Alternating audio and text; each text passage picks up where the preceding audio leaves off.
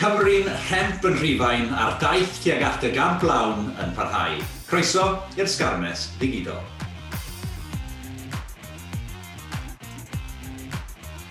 Wel, Eleanor a Naid, tema i ddad yn soddi, unwaith yn rhagor. Siwr i chi, boes? Very good, diolch. Iawn, diolch.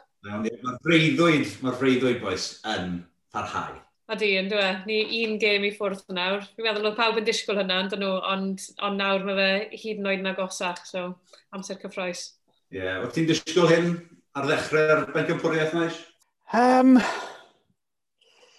ti'n bod beth, o'n yn nagon, achos ni, o'n i'n o'n i'n gwybod yr Iwerddon byddai'r gêm anodd i ddechrau gyda gytre, a sen ni'n colli'r byn Iwerddon gytre, wedi mynd lan i'r Alban yn anodd, wedi'n Lloegr i ddod, a wedyn byddai bod e yn, yn dymor hir iawn i, i, i, i Dîm Cymru a, a Wayne Pifac a'i, ai griw y fforddi ond oedd cael, sy'n ni'n cael y buddigoliaeth gyntaf yn y bywerddor, ni'n meddwl wedyn, mynd bach o momentum, a wedyn pwy a, pwy a yw'r beth digwyddaeth wedyn. O'n i'n ffyddio gyfyddi lan yn yr Alban, a wedyn, os yn i ennill y ddwy gêm na, o'n i'n eitha ffyddio gyfyddi Lloegar Cytre, a wedyn yr eidl i ffwrdd. So, twyd, o yn y nag on, os yn i'n colli fydd yn werddon y gêm gynta, o'n i credu ddyn ni mewn bach o drwbol, os yn i ennill y gêm gynta, a gwmwys y beth sydd wedi digwydd, ti'n bod, ma, ma, o'n i'n meddwl bod lle bydden ni yn y sefyllfa yma, i fod yn onest bydden.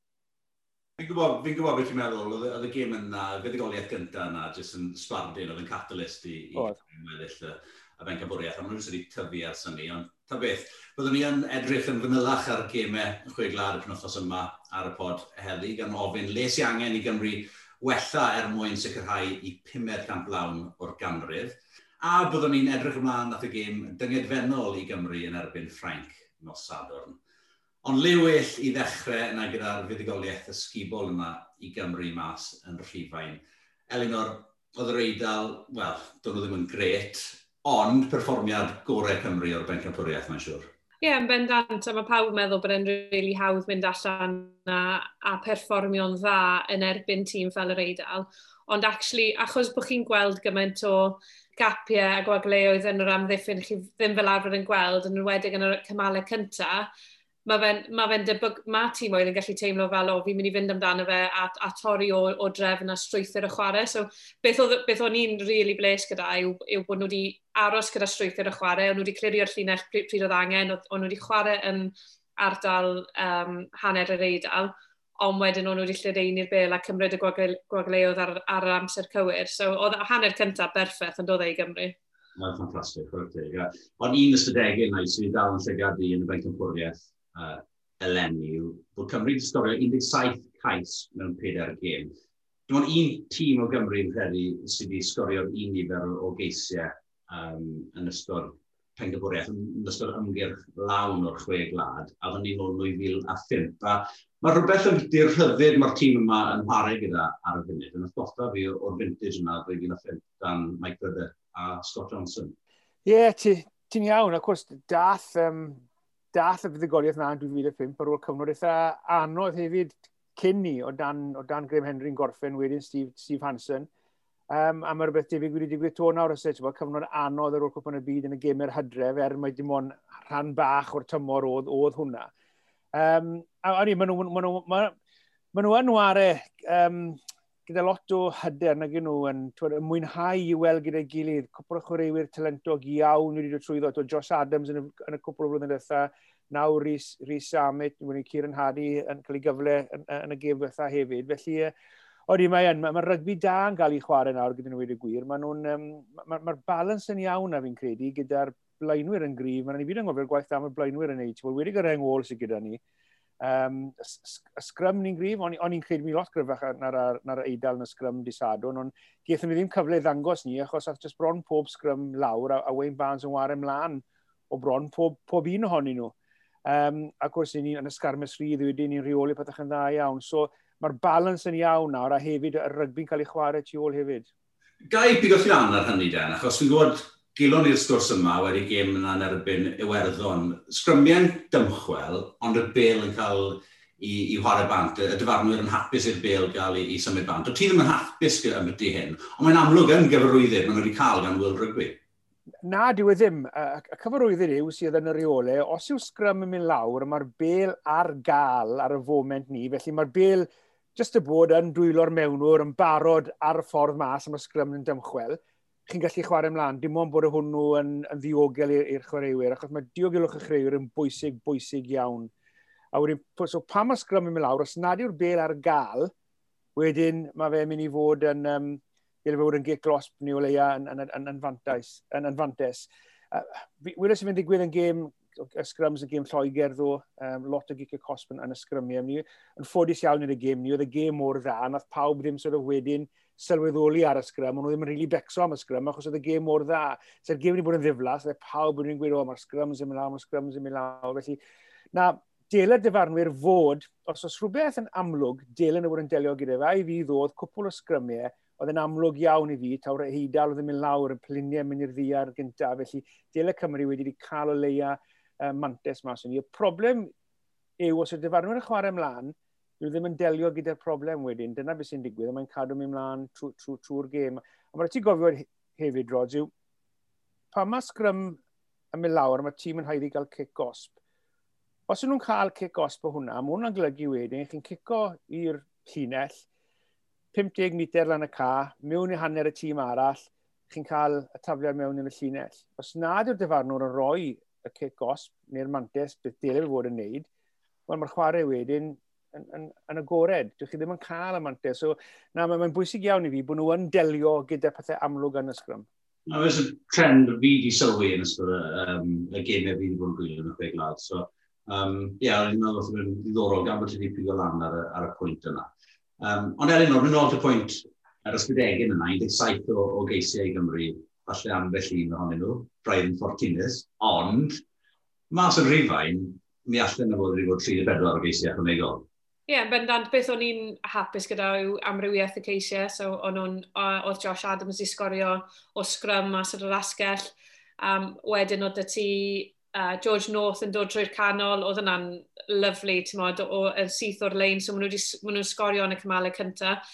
Um, a wedyn mae ti Ken yn sgorio doi cyn, cyn hanner amser ar cefn y llinell, so mae'n dangos bod, bod na balance neis rhwng yr, um, yr blaenwyr a'r, ar olwyr. Um, a wedyn, o'n nhw'n sgorio o 5 metr i hun gyda Rhys Damet yn, yn sgor, troi am ddiffyn mewn i ymosod. A, so maen nhw'n sgorio, maen nhw'n sgorio ceisio o unrhyw le nawr. Ie, yeah, wel, siaradwn ni falle ydy'r ymosod. Yr amrywiaeth yna, Nigel, sydd sy, sy dan llygad i hefyd. Um, y chwarae tin, mae'r leiniau yn enwedig wedi troi o fod yn, yn fan gwan i fod yn, yn real arf. Mae'r sgarmes symudol yna yn, yn anodd iawn i dim oedd rwystro. Oeddi, mae'n anodd iawn i ymddiffyn sgarmes symudol. Wedi pan ti'n cael tywod llinell, twyd, a, a dyna pam o'n i'n haeddiannol yn, yn ennill yn erbyn yr Alban a Lloegr fel, fel fi wedi gweud, ond yn erbyn y Iwerddon ni'n lwcus iawn achos er yr bel ar i'n mynd i'r astlus fel oedd i fod reit ar ddiwedd y gêm Byddai bod e yn anodd anodd iawn i ymddiffyn sgarmau swydd o 5 metr mas. Mae, mae bron yn amosib achos mae naill lle ciciau cosp, um, uh, penalty tries yn dod o'r sefyllfa neu mae'r tîm yn sgori. Achos mae lot o geisiadau yn cael ei sgori o fe. A mae Cymru wedi gweithio lot ar ei sgarmau sydd. A ti'n gweld nhw'n rheoli'r y safle yna. Nethon nhw'n neud e erbyn, erbyn yr Alban a hefyd yn, yn y sgrym hefyd. A bydd yn siomedig, o falle bod siomedig yw'r yw gair anghywir, yw Ond y doi gais dilyn ni wedi sgori. O'n i'n meddwl, i fod yn onest, na gwni'n gweld y bas na mlaen, i, i fod yn onest, o'n i'n edrych yn meddwl, sa'n gallu gweld bod hon rili really mlaen. Ti'n gwybod, oedd ddim yn un dden i'n meddwl bydde ni moyn y tîm oedd yn mewn, ac mae hon bendant mlaen. A un Josh Adams, oedd hon i'n meddwl, ffach, hwn yn agos y diolch.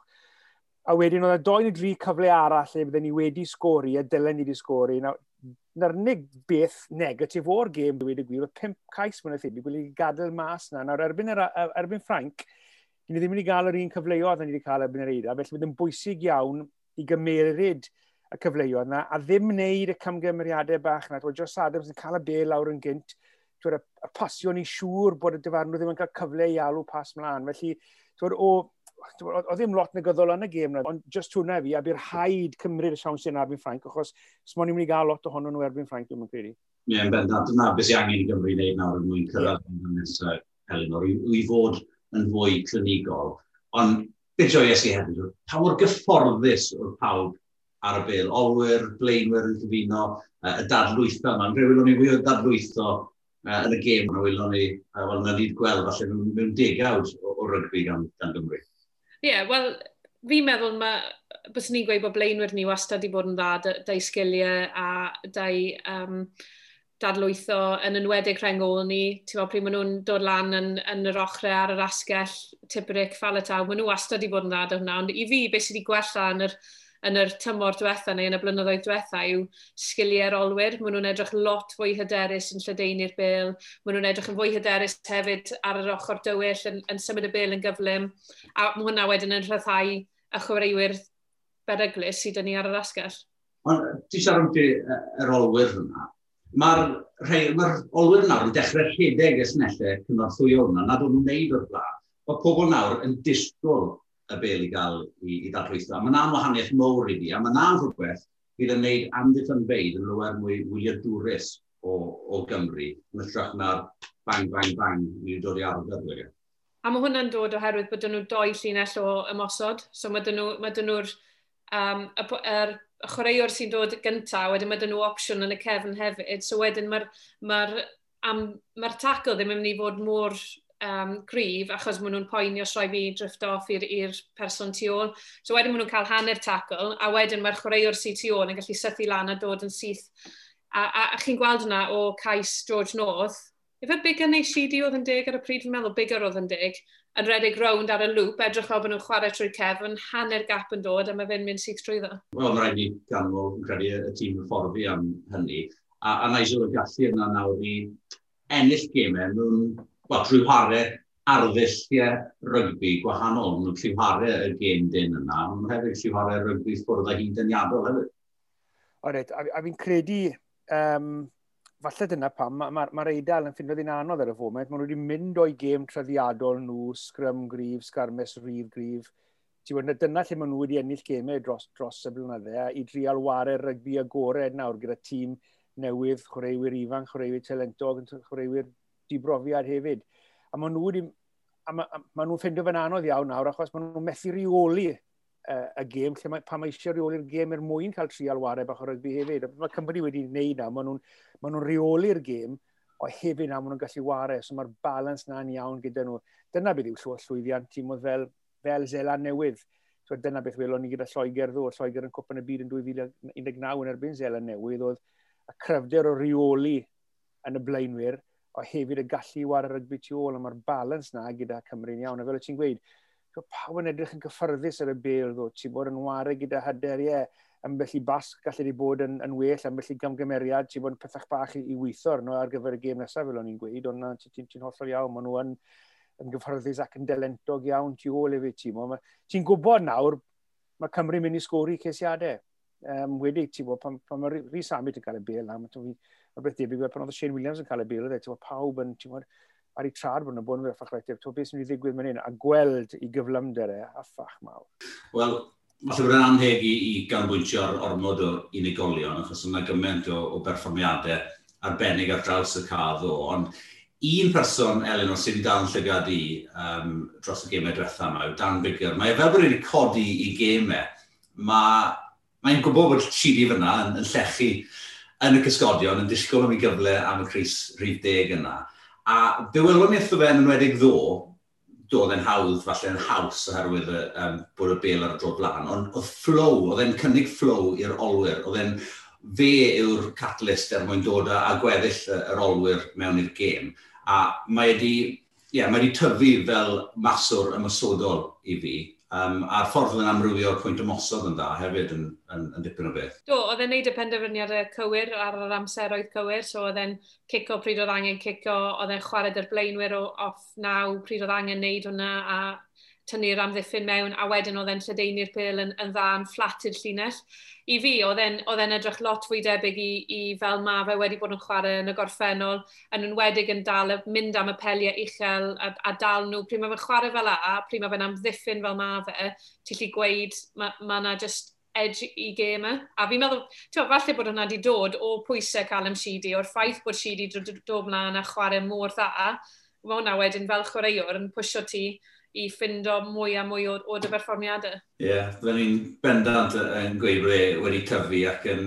Sa'n un o'r rhai yma falle sydd wedi cael ei rhyddhau o'i cydwyni rhywfaint, o'n i'n teimlo bod e yn sicr yn fwy o, o, o fygythiad um, ac yn dod â chwaraewyr o gwmpas e mewn i'r chwarae lywer yn well ddo. Uh, un arall na ddal llygadu, mae Edson tyfu mewn i'r rôl yn credu yn hanol cael oedd, oedd George, George North. Mae'n rhoi'r llinell fantes yna i ti, Ond hefyd y, y, y sgiliau bach cynnil yna, y sgiliau bach craff yna, na dyn ni'n arfer gweld gan George North, y dadlwytho, y paso, a wneud y penderfyniadau cywir. Mae e wedi, yeah, wedi tyfu mewn i'r rôl yna yng nghanol ca, byddwn ni'n gweud, Maes. Ydy, yn bendant. Ti'n bod fe, fe, fe ath trwy ddod rhyw gyfnod rhyw flwyddyn falle ddwy yn ôl, pan oedd e ddim, ddim ar ei ore, ti'n bod felly, a wedyn trial rhy galed, falle dim yn cael y bel i ddangos i ddonio, ond nawr mae yn y canol, mae'n edrych yn, edrych yn lot fwy cyffyrddus bob gêm nawr, ti'n bod, fel o ti'n gweud, ti'n neud y pethau bach na, amddiffyn yn dda, ti'n bod, oedd e, dyma bach o Sunny Bill yma, ti'n gwybod yn trio cael y bel, yr offloads bant hefyd, felly, um, na, mae wedi tyfu mewn i'r um, safle na, ac, ac yn wario yn, yn dda iawn, yn wario, yn, yn edrych fel sef yn mwynhau nawr ar, ar hyder nôl gyda, gyda fe hefyd, so mae hwnna'n ei lot o wyniaeth. Pan o'n i'n edrych ar y doi dîm ddo, nes i wedi yn, yn y studio bydd, bydd hon byti dros 100 o bwyntiau. Um, o'n i methu gweld lle oedd yr eidl yn mynd i gystadlu gyda Cymru. O'n i just methu gweld. Yr unig le oedd yr eidl yn edrych weddol grif, falle byddai'r rheng ôl nhw. Ond wedyn, pan ti'n edrych ar rheng ôl Cymru, dim gwybod beth nhw fyna hefyd. Ag, oedd yr, oedd yr eidl yn siomedig, ond fe nath Gymru nhw edrych yn, yn, yn siomedig beth o'r y nhw. A, a, George North yn canol hwnna. Ie, yeah, well, dwi'n siarad amddi'r uh, rhengol yna a'r blaenwyr yn gyffredinol, oherwydd Oedd e'n haws o lywer i'r olwyr ddangos beth nhw'n lli wneud pan mae'r bel ar y drod flan, a mae'r sylfaen fel bydde unrhyw olwr yn fodlon cyfadde i gyd yn dod oedd e wrth y blaenwyr, a'r rhengol yna, Elinor, o'n nhw'n anhygoel. Oedd, o'n nhw yn anhygol, a ti'n maen nhw gyd yn, yn perfformio ar yr un pryd, mae Nefidi yn dod â gymaint o um, pwer a cryfder i'r tîm. Ond i fi, Ken Owens di bod yn chwarae'n briliant. Um, a dyna'r wahaniaeth fi'n meddwl rhwng um, hydre a nawr yw, yw Ken. Mae fe'n mor solid, mae fe'n ma fe just yn, mae fe'n cario, mae fe'n grif yn cario. Dwi e ddim yn gwneud lot o uh, camgymeriadau a'n amlwg yn y safle gosod, mae fe'n helpu lot fyd. So, ond fi, mwy na hwnna, fi'n meddwl bod e'n arwain y tîm. Mae ma fe'n ma fe rhywun mae chwaraewyr yn mynd i ddilyn a mae jyst gweld rhywun fel la a'r angerth maen nhw'n dod i'r gêm yn gallu codi, codi pawb arall yn y tîm. A hefyd, pan mae'r ma, ma uh, y faint yn dod mlaen i'r cam, mae ma, ma ma, maen nhw'n cynnig Elinor yn, uh, yn hanfodol bwysig i, i llwyddiant Cymru uh, y tymor yma. Ie, yeah, dyna beth fi'n meddwl yw'r wahaniaeth fi'n meddwl falle rhwng Cymru a'r tîmoedd arall maen nhw wedi chwarae hyd yn hyn yn y gystadleuaeth yw mae'r ma mainc yn dod arno a mae fe'n dactegol, a ti'n lli gweud, a maen nhw'n newid y gêm, a maen nhw'n newid y ffordd mae Cymru'n chwarae. Mae hwnna'n rili really anodd fel amddiffyn yn yr hanner awr ola'r gêm i newid sy'n chi'n amddiffyn achos bod yr ymosod di newid. So mae fe'n rili really glyfar a fi'n meddwl falle gyda'r gwledydd, gwledydd arall ni wedi gweld o maen nhw'n nhw gorfod dod y pobl arno oherwydd anafiadau neu, neu rhywbeth fel la, ond mae fe'n rili really tactegol gyda Cymru a fi'n meddwl dyna beth sydd wedi'i gwneud wahaniaeth a yn fwy bwysig pryd ni'n dod mewn i wythnos nesaf yn erbyn Ffrainc, bydd yna lot, lot o bwysau ar y fainc i wneud yr un fath o ddylanwad ar y gêm a maen nhw wedi bod yn wneud. Ie, yeah, wel, ni siarad i gofod lle amyti, amyti'r ymosod am y tro yna. Mae'n rhaid rhaid glygo ni nawr. Rhaid diffyn, ildio un cais go, maen nhw'n ildio saith cais nawr yn peder gêm. Um, na, fi'n deall nad oedd reidal yn, yn lywer o, o her iddyn nhw yn amddiffynol ddo. Ond, sut ti'n dychmygu fod Bethany Jenkins, wel, dwi'n beth yn hapus, ond yn fodlon y lea.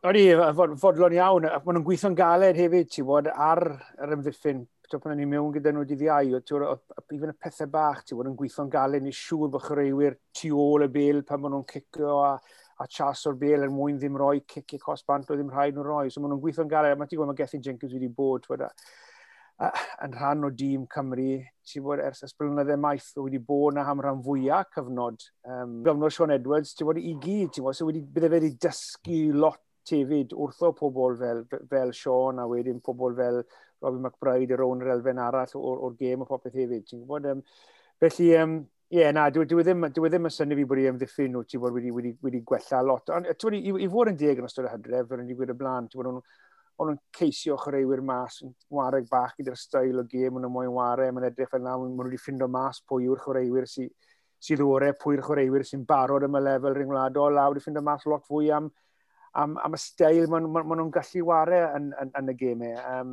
a wedyn, ti'n mae gen i lot o wyniaeth yr ymddiffyn wedi bod yn arbennig, a, a bu rhaid i fod yn arbennig erbyn Frank hefyd. Ti'n bod uh, Sean Edwards yn lan erbyn i un dîm, Gethin Jenkins, yn y ffordd fi Cymru, ti'n bod, mae hwnna'n mynd i fod yn yffach, yffach o gêm di sadwn.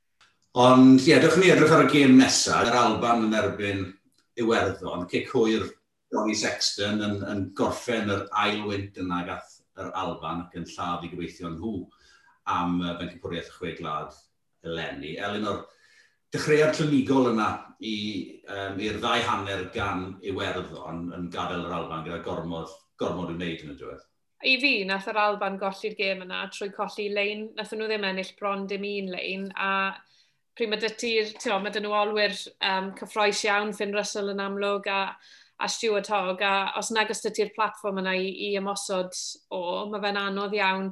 Fi'n, ti'n o, i, i fod yn deg iddyn nhw, allu i ddod nôl o fewn cwbl o bwyntiau, um, yn enwedig gyda faint o anafiadau gethon nhw a, a Hogg yn symud i deg, ond oedd, oedd rhaid nhw sorto lein nhw mas, a nath nhw, dath nhw nôl mas ar ôl hanner amser, o'n i'n meddwl rhaid maen nhw wedi sorto fe, ond on nath nhw golli cwbl ar ôl ni fyd. Ie, yeah, os, os, os ti'n mynd i wario steil mae'r ma Alban yn wario, nid i'n weld gyda, gyda, gyda, gyda Townsend pan oedd e'n y ffordd i, ffordd i Glasgow, ennill y pro 12 fi'n credu oedd e pan ni'n ei pro 14, um, erbyn, erbyn Munster rownd yr fynol, um, mas yn, yn, yn Belfast.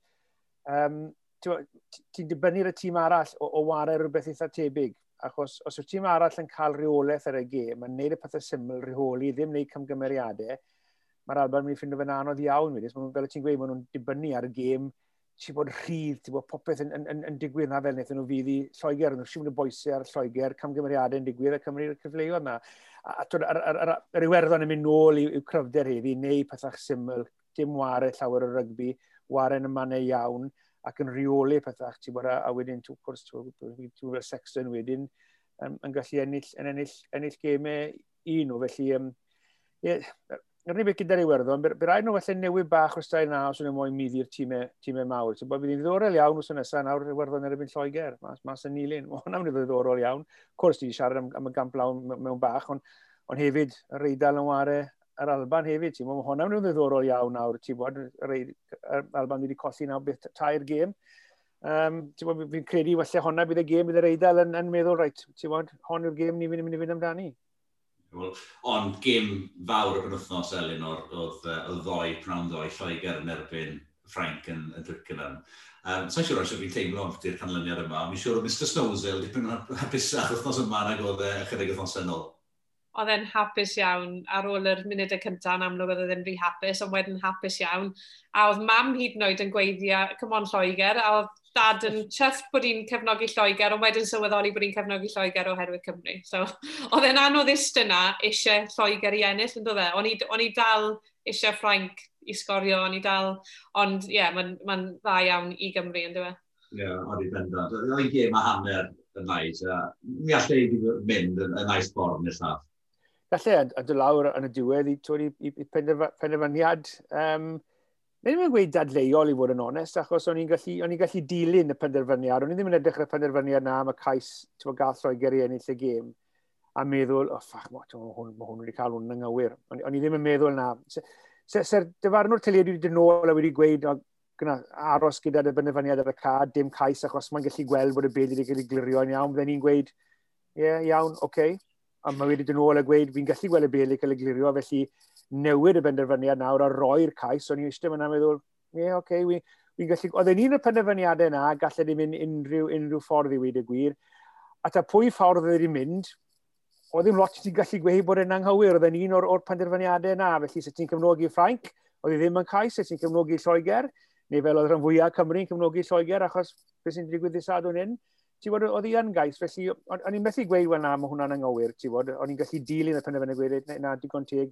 mae wedi gweld y bel i cael, joi wedi gweld y bel yn mynd lawr a wedi roi'r cais, ond oedd hi, oedd hi yn gêm, oedd hi yn gêm arbennig, arbennig, arbennig o dda o'r y teg. Oedd o'n gêm a hanner rygbi gwefreiddiol ar brydiad, oedd e? Ie, oedd e just, oedd e ddim byd fel byswch chi'n disgwyl gweld o, o tîm Lloegr yn enwedig. Mae'n rhywbeth ni wedi dod i ddisgwyl o Ffrainc ond ddim o Lloegr hefyd. A nath nhw just, oedd e fel bod nhw wedi matcho Ffrainc gyda'r ffordd o'n nhw wedi chwarae a mynd, a mynd nôl. Oedd, oedd Jalibe i Ffrainc yn ardderchog. Oedd e'n, ti'n modd, nath e chwarae mor dda. Mae fe'n ma fe mynd i fod yn diddorol gweld pwy maen nhw'n dewis. Bys ni'n aros dy fe ar gyfer wythnos nesaf er bod Entamac nôl nôl yn chwarae. Um, ond eto, oedd, oedd chwaraewyr mawr Lloegr, y boes Saracen sydd sy, sy heb chwarae lot a sydd ddim wedi bod yn perfformio ar dachrau'r tournament. Nawr mae dyn nhw cwbl o gemau maen nhw wedi chwarae. ond on nhw'n perfformio'n well, ond nhw'n edrych mwy fel ei hun.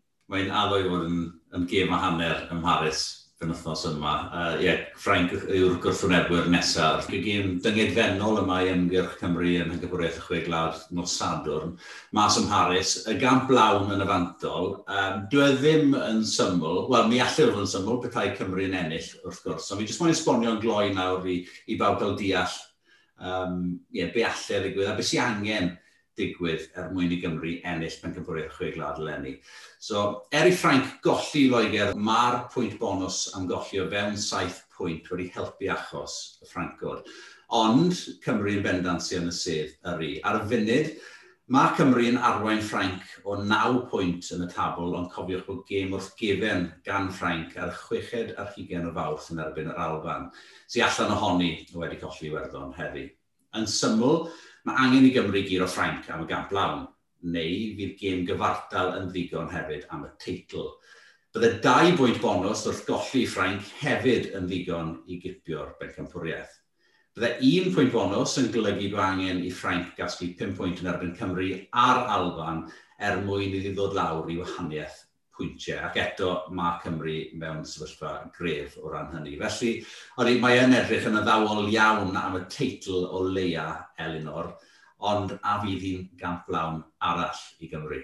Wel, mae yna lot o bethau sy'n angen digwydd gyntaf, ond os e o ran y perfformiad a siwt mae'r gêm yn mynd. Um, I fi, mae ma Cymru, mae dyn nhw'r cred. Um, chi'n gweud o, o um, cyfweliadau sy'n dod o'r garfan, maen nhw gyd mor dyn, maen nhw gyd yn credu bod nhw'n lli wneud, a e, maen nhw'n beth mawr iawn mewn gêm fel hwn, gall fynd unrhyw ffordd. Ond peth bwysig hefyd yn, reid, yn erbyn y reid, ond wnaethon nhw ddim pigo lan unrhyw anafiadau, so fi'n meddwl bod, bod Pifac yn gallu dewis bron o sgwad cryf iawn. Um, so mae hwnna'n rhywbeth bwysig fyd. Um, I fi, uh, yr amddiffyn fi'n meddwl bydd, bydd, bydd hwnna'n bwysig iawn, achos mae pac Ffrainc mor fawr, mor bwerus, os allan nhw stop nhw ar y llinell a, a dreifo nhw nôl, wedyn mae dyn nhw siawns, wel, mae dyn nhw mwy na siawns. Ie, yeah, bendant. Uh, fi'n siŵr bydd, uh, bydd Edwards, uh, Sean Edwards, yn pregethu yn ystod yr wythnos, Nigel, bod angen iddyn nhw gadw i disgyblaeth yn erbyn Cymru, achos mae, mae Cymru wedi elwa yn ystod y bencampwriaeth yma, oherwydd cardiau coch a cardiau melyn sydd wedi cael ei, uh, cael ei ildio yn herbyn. Do, a wnaethon nhw elwa yn gwpan y byd yn erbyn Ffranc uh, yn y rown go gynderfynol na hefyd. Ti'n mwyn, mhm. fyse Ffranc ddim wedi cael eich reiwyr real a bant. Pwy awyr bethau e byddai'r canlyniad wedi, wedi bod. Felly mae, mae Cymru wedi bod yn arbennig o dda ar rhan disgyblaeth yn y chwe glad yma, yn arbennig o dda. Am, mae wedi wneud gwaniaeth. Does dim, does dim os nag o'n i bai am, amdano fe. Na gyd dim ond bod y tîm arall wedi cael chwaraewyr wedi danfon bant am 10 munud fel yr Eidal Ddo, neu chwaraewyr wedi danfon bant fel Cerdyn Coch, ond hefyd y cicio cos mae Cymru wedi rhoi bant. Ti'n bod yn nifer yn isiel, ddim yn rhoi cyfle wedyn i'r gwrth, gwrthwynebwyr. Felly, bydd eisiau na... Bydd y gêm yn Ffrainc, mi'n cedi, mae'n ddod lawr i cwpl o, o bwyntiau a penderfyniadau falle dyfarnwr yn rhan o hwnnw falle. Uh, um, camgymeriadau gan, gan Gymru neu gan, gan Ffrainc. Felly, bydd disgybliaeth yn hollol, hollol bwysig di sadwn fi'n credu, achos mae tueddiad gyda Ffrainc o golli pennau ymell waith, um, pan fyddach ddim yn mynd e, ei ffordd nhw, felly os ydych Cymru i, i gadw disgybliaeth. A mynd lan lefel fach o disadwn, ti'n bod, jyst torri mas y camgymeriadau na wnaethon ni disadwn, a Cymru bob cyfle maen nhw'n cael. Ti'n bod, oedd ennill yn Paris yn rhywbeth o'n i ddim yn gweld yn digwydd yn aml iawn ti fod felly digwydd yn y 70au ambell i waith, dim mor aml â ni. Ond wedyn ti fod yn, yn ddiweddar wedi o dan, o dan Gatland, a hefyd nôl yn 2005 ar cyfnod na hefyd, um, bod, yn, yn ennill mas yn, yn, yn Paris. Felly, um, ti'n bod, ni'n ni, ni, gyfarwydd ennill mas yn awr hefyd, ond, uh, yeah, ti'n bod, wi eitha ffoddiog, ti'n bod, ni yn cyfleoedd a cadw'n disgybliaeth. Um, Fe na fi wedi goliaeth. Ond Elnor, mae un peth yn sicr, Ceith Cymru ddim yr un rhyddid ymwysodol yn erbyn amddiffyn sy'n cael ei fforddi gan, uh, gan Sean Edwards. Mae'r cyfleoedd mynd i fod yn bryn nos Sadwrn, a mae rhaid iddyn nhw gymryd, gymryd gymaint o phosib ohonyn nhw. Odyn, mae ma rheolaeth um, rhif 90 yn mynd i fod yn really bwysig fan hyn, so bod, oedden nhw'n cico yn dda, oedden nhw'n ffindo gwagle yn yr cae, neu oedden nhw'n cico yn gysadleol um, i allu rhoi um, bod, pwysau ar ffrainc. Mae hwnna'n mynd i fod yn bwysig iawn. Tirogaeth yn mynd i fod yn bwysig iawn. Um, fel oedd Nigel yn gweud fyna, os, os neg nhw'n rhoi ciciau gosbi ffwrdd a, a maen nhw'n rhoi'r pwysau yna ar ffrainc, um, cadw'r bel, cadw'r bel, a aros iddyn nhw roi cic gosbi ffwrdd wedyn yn syth chi, chi lawr yn, yn ddwy ar hugen nhw. Ond fi'n meddwl mae'r ma amrywiaeth o, o ymosod maen nhw wedi dangos yn erbyn y feidal, mae rhaid nhw cadw hwnna. Ti'n meddwl, so ni moyn iddyn nhw fynd i ffwrdd o hwnna, mae rhaid nhw cadw bwrw um, John Davis a George North lan yn y canol, defnyddio'r blaenwyr yn gryf o gwmpas y lein a wedyn cael y bel mas i, i asgellwyr ni. Ond sy'n siwr wyt ti'n curo, Frank, ti'n ti, meddwl bod angen yr amrywiaeth yna, ond mae gyd yn dechrau, mae'n siŵr, ymhlith y blaenwyr. Wyt ti'n ti dechrau drwy gadw pethau'n dyn a, a, a adeiladu sgôr cyn bod ti'n dechrau lledu iddi? Mae fi'n credu bod y chwaraewyr yn, yn wario gyda'i pennau lan, ac os nhw'n gweld cyfle neu fynd i'r gynta i wneud rhywbeth a cymryd y cyfle na mae'n bwysig wneud e y pynnu. Ond mae reoli'r ar ardal y dacle, rheoli, mae'n dibynnu ar y difarnwr llawer, a lot beth sy'n mynd i digwydd yn y sgrymiau, a, a bydd yn wario ymlaen o sgrymiau sy'n mynd lawr, a bydd yna lot o sgrymiau os bydd camgymeriadau. Dwi'n ddim lot o sgrymiau yn y gêm ar, ar eidal ddo. Um, Felly, on, yn, yn bendant, mae, mae eisiau ennill y frwydr yna. Bydd rhaid nhw fod ar y, dro, y drod mlaen yn erbyn Ffrainc, mae eisiau... Pan mae Cymru wedi ennill tîmau fel Lloegr, tîmau fel Ffrainc yn, yn ddiweddar Lloegr a'r Iwerddon hefyd, mae nhw'n bod mwy corfforol. Mae nhw'n ennill y frwydr yn gorfforol yn y blaenwyr, a wedyn wedi medru rheoli pethau o, o, o tu, tu cefn y Cymru cyfleoedd hefyd. Felly, by'r haid ennill y frwydr na, wy'n credu, achos nhw'n golli'r frwydr na twyd, o, o, o ennill y frwydr ar y cag yn wedi gymysg y blaenwyr. Ti'n bod, mae'n mynd i fod yn anodd iawn i fi i Ffrainc, achos ni gyd yn gwybod beth gall, gall Ffrainc i wneud, a, a sy'n ni'n yn cadw bob llygad sydd gyda fi ar, ar Dupont yn ware, achos mae un gallu gwneud rhywbeth mas o, o, o ddim byd. Bwlian Ffrainc mewn ffordd, ti'n bod bod mwy corfforol, cor, corfforol na, na Ffrainc, hwnnw fi'n credu bydd, bydd y peth pwysig iawn i ennill y gêm na, wedyn cymryd cyfleoedd pan maen nhw'n dod, dim neu camgymeriadau. Ie, yeah, wel fi'n meddwl nath Dupont dangos bod yn, yn, yn berson yn dyfa, nath ei un camgymeriad, fi'n fi, cofio beth oedd e, ond o'n i'n meddwl, o, oh, mae'na diwrnod yn fel fe, falle nocer beth ymlaen neu rhywbeth o dan... Anyway, ond na, ti'n mae'r beth fi'n really hoffi yw y cics bach, y chips a'r uh, tu fas yr trod mae fe'n neud dros prim, prim maen nhw'n reit lan yn y ddwy ar hugen, achos dyw'r naw ddim yn mynd i fod nôl fyna. So mae'n rili really anodd i cyfro reina, achos chi, chi moyn pawb yn y llinell fyna. So Um, mae rhaid nhw fod yn ofalus o hwnna. Wedyn mae dyn nhw um, Shaliber yn ataco, a wedyn mae dyn nhw Faca Tower, so mae rhaid nhw fod yn really... Tiwod, so lli, so nhw lli amddiffyn fel nathon nhw yn y deg munud cyntaf yn, yn erbyn yr eidl, be o'n nhw'n soft-soft fel hwn, achos bydd rhywun fel Faca Tower jyst yn dod syth, syth ar y llinell, so mae rhaid nhw fod bach fwy dyn fyna. Mae'n mynd i fod yn, yn dipyn o, o gêm.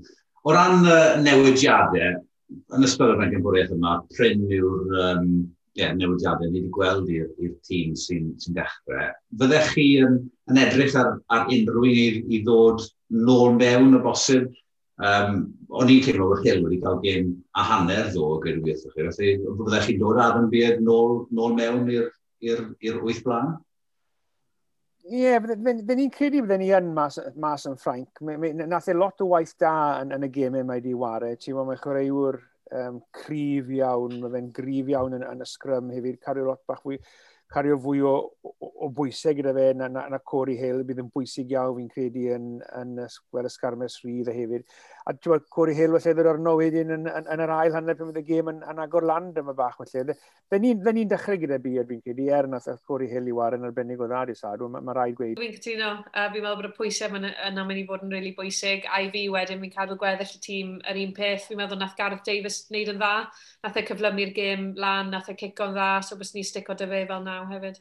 Ni'n bendant, mae'r ma un un falle sy'n sy gwybod bod yna bwysau arno fe nawr, mae yna rhywun newydd yn dod trwyddo, a, a mae e yn sicr wedi, wedi codi i gêm. Ie, yeah, fydden ni, fydden ni ddim yn, yn, yn newid gormod o gwbl. Dwi ddim yn hollol sicr yn byty'r cyfuniad yma yn hanol ca. Fydden ni ddim yn newid ar gyfer y gêm yma, ond am y dyfodol, sa'n gwybod am beth Jonathan Davies a, a George North gyda'i gilydd, um, bydde, bydde ni eisiau gael bach fwy o, o ffwtbol falle yng nghanol ca. Um, yn symud ymlaen, fi credu bydde hynny wedyn yn, yn galluogi ni i wneud y mwyaf o'r triol sydd gyda ni, ond na, nid arbrofi yn erbyn Ffrainc yw'r ffordd, fi'n credu bod angen sefydlogrwydd yna yng nghanol ca, um, a ar draws, ar draws y ca. Mae'n chwarae gyda sy'n gymaint o hyder. Um, mae'n mynd i fod yn, uh, yn gêm a hanner. Felly, uh, ia, i orffen, boys, mae'n rhaid i ofyn i chi. Um, pwy chi'n meddwl sy'n mynd i fynd â hi? Fi'n mynd i weid Cymru 28 i 26. Bydde hynny'n glasur. Bydde. Reis. Na, ti'n fi'n mynd i fynd am uh, 23, 19. 23-19. Eto, gym agor. I Gymru. I, I Gymru. I Gymru, wrth gwrs. Pwy arall? Mae'n Frank. Um, Mae'n mynd, mae'n mynd, oh, ffach, ti'n I fod yn onest gyda chi, sem se se torf yn y stadiwm, fi'n credu falle ddyn ni wedi mynd gyda Ffrainc, chwarae gatre. Er, dwi'n yn siŵr fel maen nhw'n mynd i ymateb ar ôl, ti fod colli ebyn Lloegr nawr, mae'r gamp lawn wedi mynd o'i gafel nhw, a nhw'n mynd i fod, ti fod, falle bach mwy rhydd yn ei wario, gallai hwnna fod yn dan Sheris, neu allai fe siwto Cymru.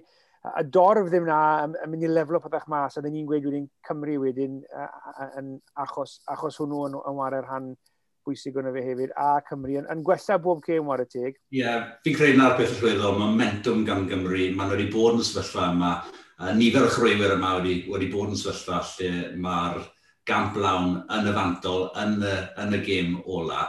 Mae eisiau yn mynd i fod bach yn rhyfedd hefyd i, i Ffrainc yw bod, bod ganddyn nhw gêm arall i chwarae wythnos ar ôl ni. Felly yn seicolegol, falle, falle bydd hynny'n dal Ffrainc allan rhywfaint. Ond ie, yeah, na, fi'n fi, cefnogi Cymru fynd â hon uh, hefyd. Felly, ia, gofiwch bydd y, y gêm dyngedfennol yma um, rhwng Cymru a Ffrainc ar Esbyrrec. Uh, nos Sadwrn rhaglen i ddechrau am chwarter wedi saith gyda'r gig gyntaf am 8 o gloch, felly cofiwch ymuno gyda y criw y clwb rygbi, ond oedd wrtha i, Nigel a Elinor, Diolch yn rando. Dyna.